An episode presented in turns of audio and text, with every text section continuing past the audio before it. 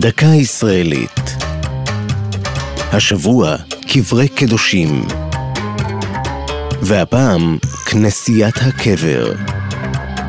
במרכז הרובע הנוצרי בעיר העתיקה בירושלים שוכן אחד המקומות הקדושים ביותר לדת הנוצרית, כנסיית הקבר.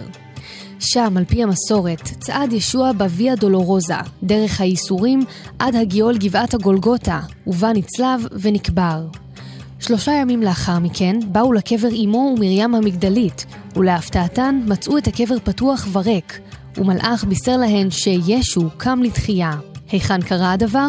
בברית החדשה אין תיאור מדויק של מקום הקבורה, אך משערים שישוע, שחי כיהודי לפני כאלפיים שנה, נקבר מחוץ לחומות העיר, חומות שלא נותרו כיום. את מקום הקבר קבעה הקדושה הנוצרית הלנה, שביקרה בעיר כעבור 300 שנה.